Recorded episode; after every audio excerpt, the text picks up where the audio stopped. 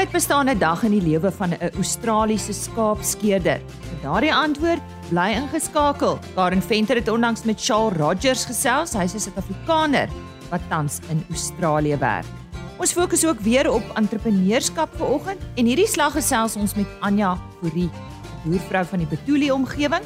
Sy bedryf haar eie tamatie besigheid. Ons hoor ook hoe ons plaaslike aartappelmarkte daaruit sien. Dis waarna jy kan uitsien vir oggend op RC Landbou. Goeiemôre van my Lise Roberts. Trou dit gaan goed met jou so lekker vroeg op hierdie Dinsdagoggend. Ons sluit nou aan by Anay Oukamp vir ons aartappelmark verslag. Ek is Anay Oukamp en ek is die streekskoördineerder van Limpopo vir Aartappel SA. Die eerste 27 weke van 2022 is daar ongeveer 55.6 miljoen 10 kg aartappelsakkies verkoop wat beteken dat ongeveer 16000 interlink trokke na die markte toe gery het. Met genoegsame lewering aan die markte is ons 3.2 miljoen 10 kg sakkies onder die 5 jaar gemiddeld vir die eerste 27 weke van die jaar. Die gemiddelde prys vir hierdie tydperk is 85 sent meer as die vorige jaar en was R42.3 per 10 kg sakkie oor alle klasse en groottes. Indien ons kyk na die gemiddelde weeklikse prys, het week 27 van 2022 se gemiddelde weeklikse prys geëindig op R47.66 per 10 kg sakkie, wat 'n halwe persent laer is as die vorige week. Tot dusver vertoon die prys steeds 'n opwaartse tendens vanaf die middel van Januarie 2022. In Junie 2022 was die gemiddelde daaglikse voorraadvlakke op die varsprodukte marke ongeveer 800 000 10 kg sakkies per dag wat laer is as Mei se gemiddelde daaglikse voorraadvlakke en was ongeveer 143000 sakkies meer as 2021 se gemiddeld vir dieselfde maand. Die gemiddelde daaglikse prys gedurende Junie 2022 het gewissel tussen R42.59 en R50.87 per 10 kg sakkie en het 'n effense kleiner variasie getoon as in 2021 vir dieselfde tydperk maar die gemiddelde prys reeks in Junie 2021 was hoër as in 2022.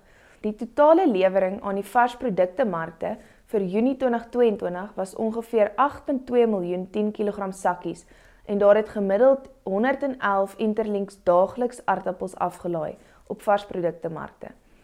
Die streke wat gedurende Junie die varsprodukte markte met die meeste aardappels voorsien het, is naamlik Oos-Vrystaat, Wes-Vrystaat, Limpopo, Noord-Kaap en Sandveld. Van die top 5 streke was die Limpopo die enigste streek wat sy afleweringe drasties verhoog het.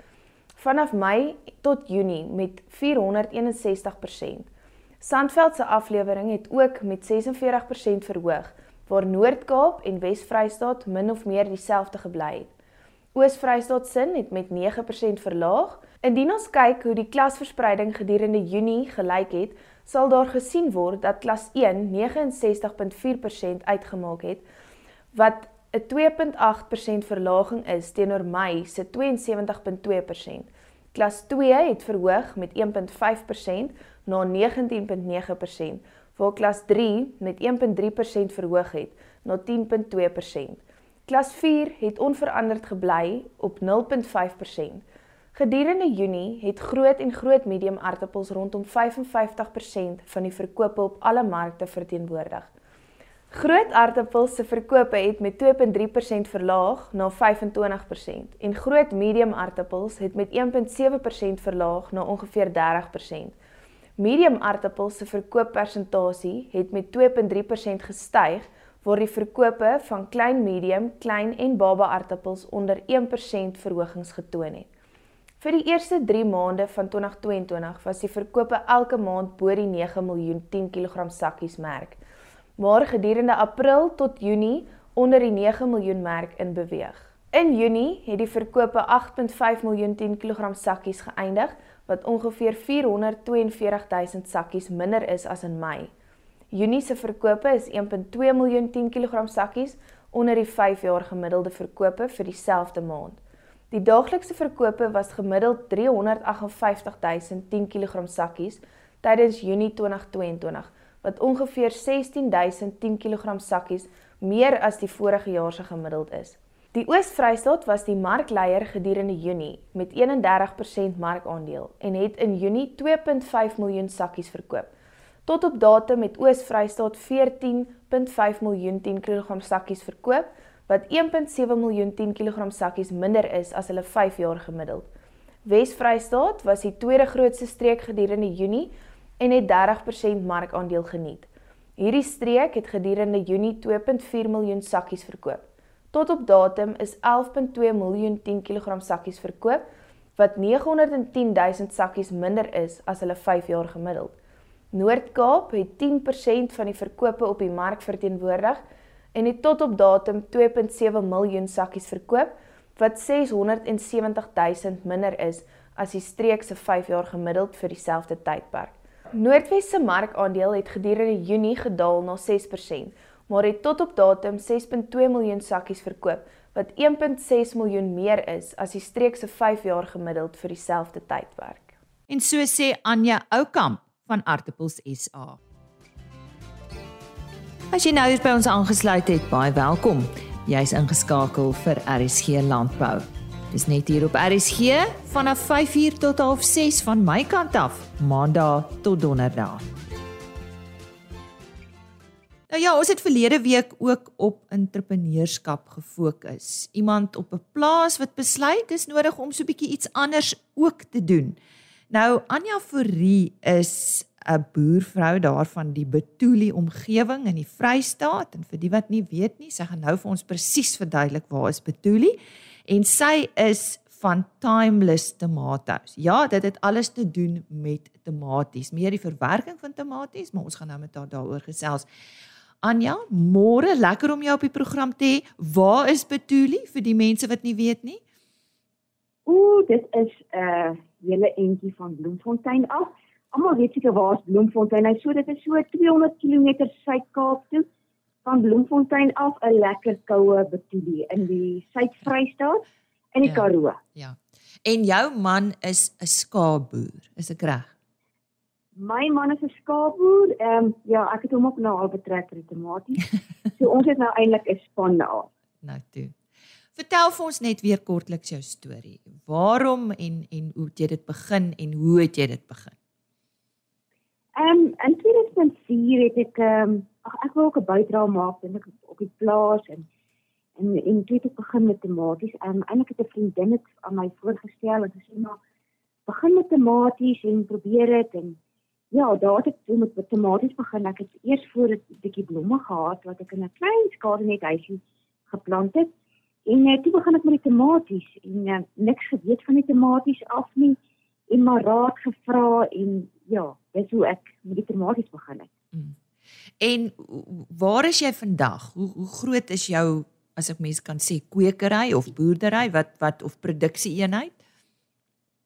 Ons het so vier uh groot tonnels onder skadu net 40% word skadu net. Hmm. Nou ehm um, in die tomatiebedryf in Suid-Afrika is dit nou reg maar 'n druppel in die emmer. Maar dit gaan vir my oor 'n uh, maksimum te kry daar uit nie. So hmm. ek uh, doen ware toevoeging. Ehm um, met jou ek het eers begin met die tweede graad tomaties en toe ek nou nou begin ek al met die eerste graad tomaties ook in te trek om ehm um, konfyte en goedjies mee te maak. Ja, ja. Is dit 'n sekere variëteit waarop jy fokus of verander dit uh Anja? Nee, ons gebruik op die stadium gebruik ons Derien van Sakata. Hmm. Ehm um, dit is 'n lang rakliewe tomatie. Ehm um, sodat mens die verwerking en die vars tomaties kan doen. Vir die verwerking is die ehm um, jou ehm uh, um, tomaties wat nie rakliewe het nie, meer die vleistomaties die ideaal. Ja. Maar so ons het twee uh, komponente, die vars en die verwerking. So ons gebruik daai ehm um, variëteit. Ja. Ek is seker daar's talle boervrouens wat nou na jou luister wat ook graag 'n bydrae wil maak soos wat jy wou maak. Maar waar begin 'n mens? Ek dink dit begin eers in instansie by 'n idee wat jy kry en dan plaas jy en wat dit is baie belangrik, jy plaas daai idee nie in uh, die begin al was dit want ek is hoe ek maar begin het nie ek het dit regtig 'n geloofsaak gemaak want daar is soveel uitdagings vandag hmm. ehm um, ja so ek dink dit is waar mens maar begin en dan gaan dan sal ek stel as 'n voorstel jy ehm um, self jou paar vragies op. Hoe gaan ek dit bemark? Waartoe gaan ek dit stuur? Wat is die einddoel wat jy graag wil bereik? Nou, mense soos jy sê mense benodig 'n mark, dis baie belangrik want jy het nodig om wins te maak. Ehm, um, hoe gaan 'n mens te werk om 'n mark te bepaal? Ek dink die heel eerste ding is jy moet jou navorsing nogal goed doen.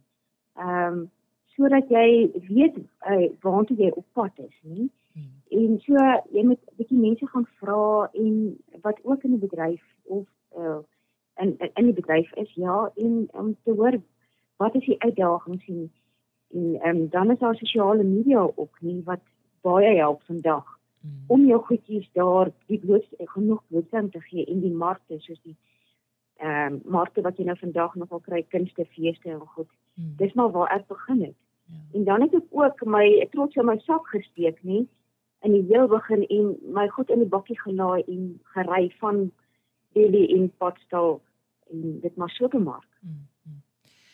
Watter lesse het jy geleer? Ek dink die grootste les wat ek geleer het, ehm um, is dat jy nie jou voorraad op consignment vir mense gee nie. Ehm um, mense is nogal geneig in die begin, jy wil jou goedjies daar buite kry en jy wil ag geldjie maak en, en en dan gee dit vir mense op consignment en ek het al baie verleer daarso want jy vertrou almal. Hmm. So ja, ek dink jy moet 'n bietjie ehm um, mense vertrou my moet oop wees. Wat 'n ander raad het jy? Die die beste raad wat ek het is om uh, die, daar is instansies soos die Small Enterprise Development Agency om na hulle om hulle te nader want hulle weet wat is die stappe wat jy moet volg van 'n goeie besigheidsplan vir finansiering en om om jou te help om van die begin af die regte ehm um, uh, wetstoepassings toe te pas uh, uh, al die wette wat jy moet aanvoldoen want in in uh, dit is nogal moeilik vir 'n entrepreneur in, in vandag se tyd. Daar's baie uitdagings met aan sekere goed wat jy aan moet voldoen so ek sal sê die beste raad is om na sulke instansies toe te gaan wat wel daar is en vir hulle raad te vra. En jy sal mense motiveer en sê dis jy moet te werk jy moet net hard werk.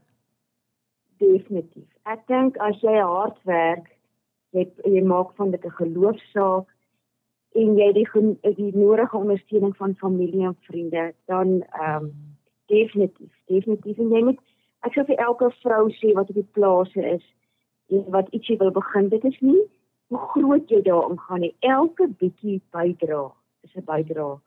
Ehm um, so jy hoef nie daar te dink maatjies ek moet 'n enorme bydra maak nie. As jy vandag 'n 100 rand vir 'n man kan spaar op die plaas, dan is dit moeite werd. Mhm. En jy moet dit ook geniet wat jy doen. Ek wil nou net sê, dit moet vir jou lekker wees. Jy moet dan iets doen wat vir jou lekker is, want dan gaan jou hart mos nie daarin wees nie.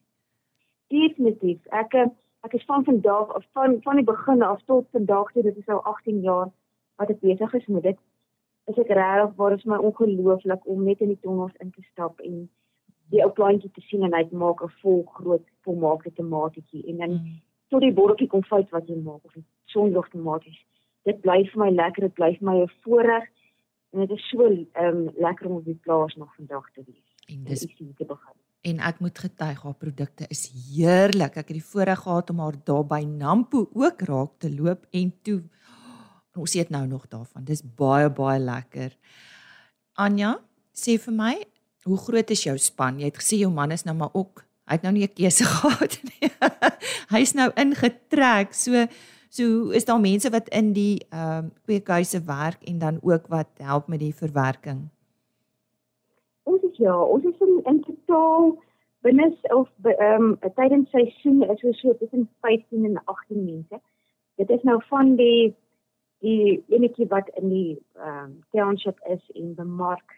Mm. Almal, dit is nou in die verwerking in die mm. boksstoor in die ja, so so tussen 15 en 18 en uh, my my man help om die um, tomaties weg te ry en die, hy hy kyk nou dit of dit is nou sy verantwoordelikheid aan die vars tomaties. Hmm. Ek is meer op die verwerking en dan trek ons my pa ook in.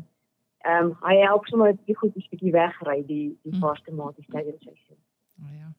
So sê Anja Fourie, Sy is van Timeless Tomatoes. Besoek gerus haar web webtuiste www.timelesstomatoes.com. Onthou daardie .com. En sy het vandag met ons gesels oor haar begin, hele paar jaar gelede en wat 'n verskil sy graag wou maak op die plaas. Anja Fourie van Timeless Tomatoes.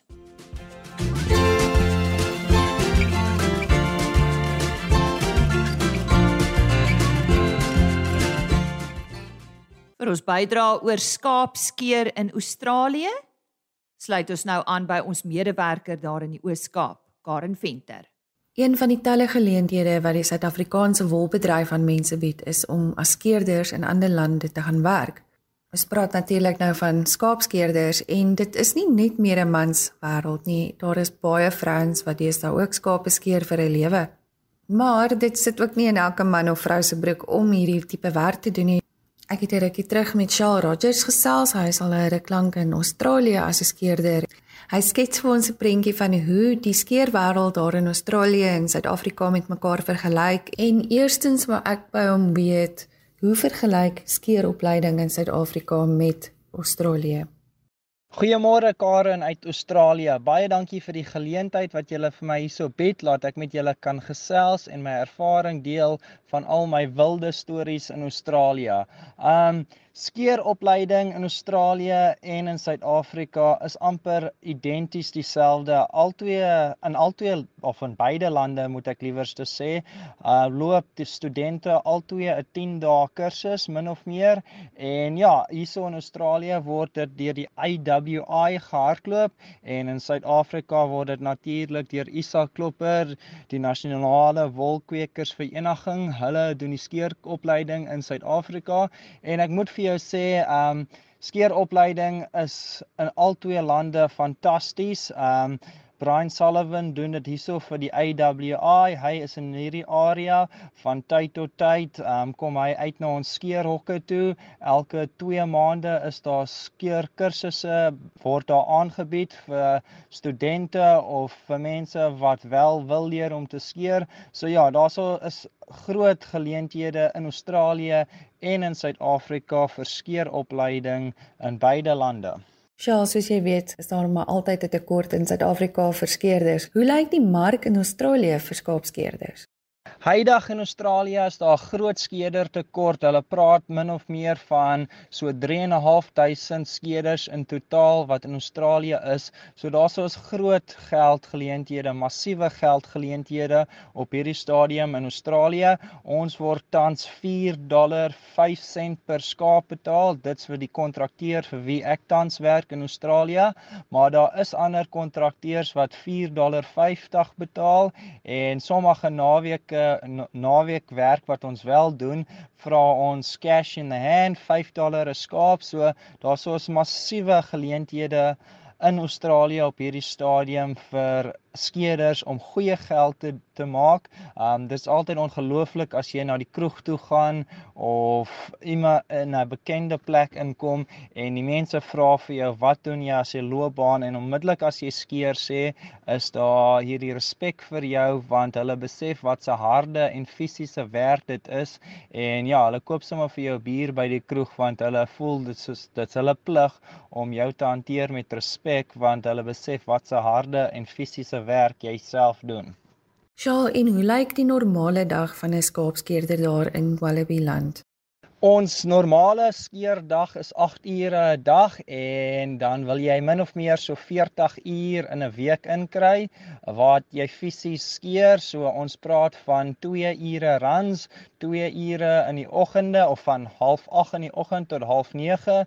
Jy het 'n halfuur smoke hou, dan van 10 uur tot 12 uur, 'n uur middagete, dan weer van 1 uur tot 3 uur en dan weer van 04:30 tot 06:30 in die aand. Ehm um, so ja, dit sou ons ons 8 ure dag inkry.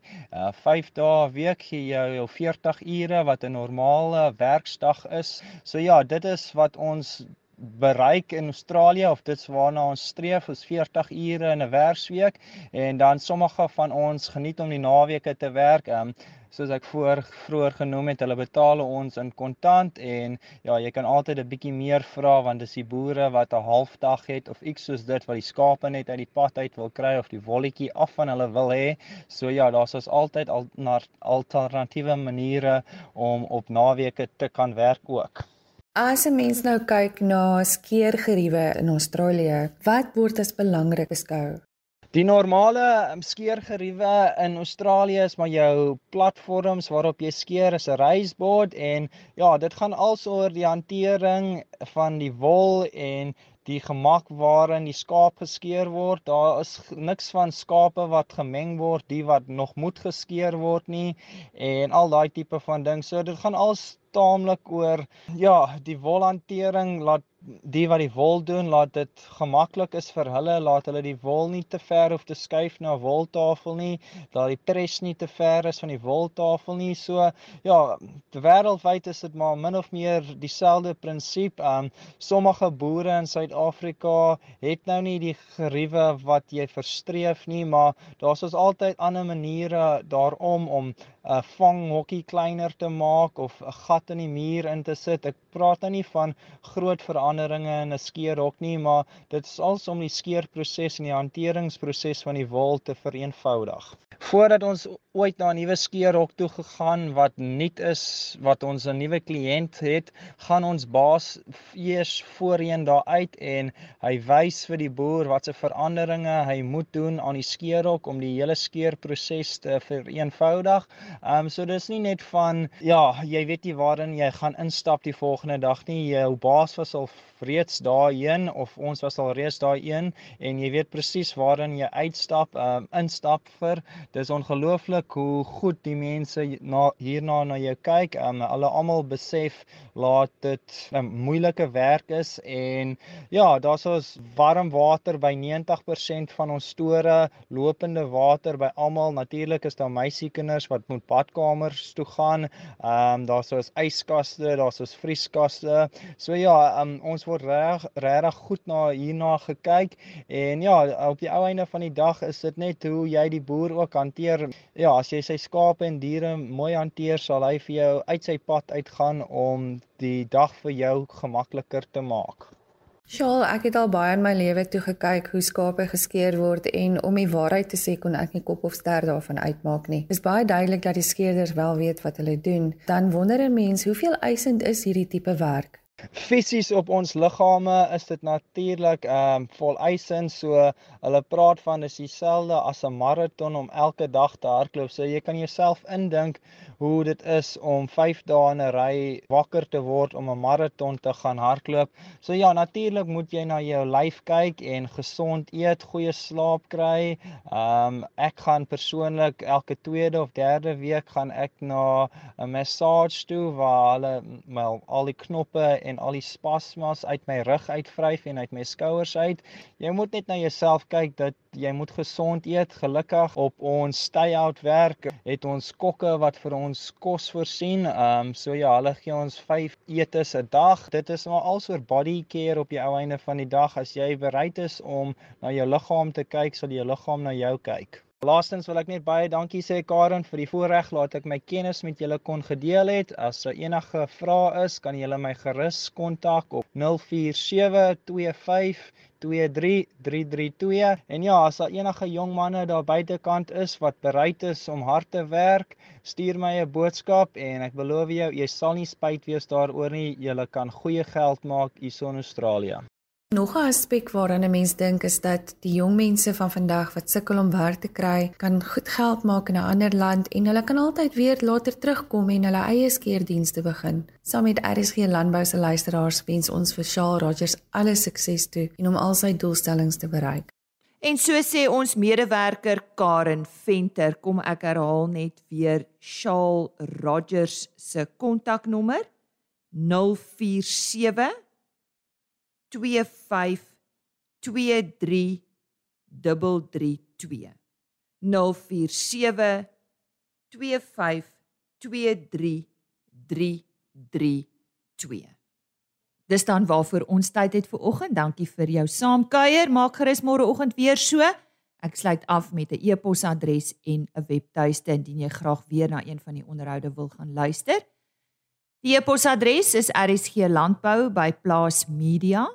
rsglandbou@plaasmedia.co.za.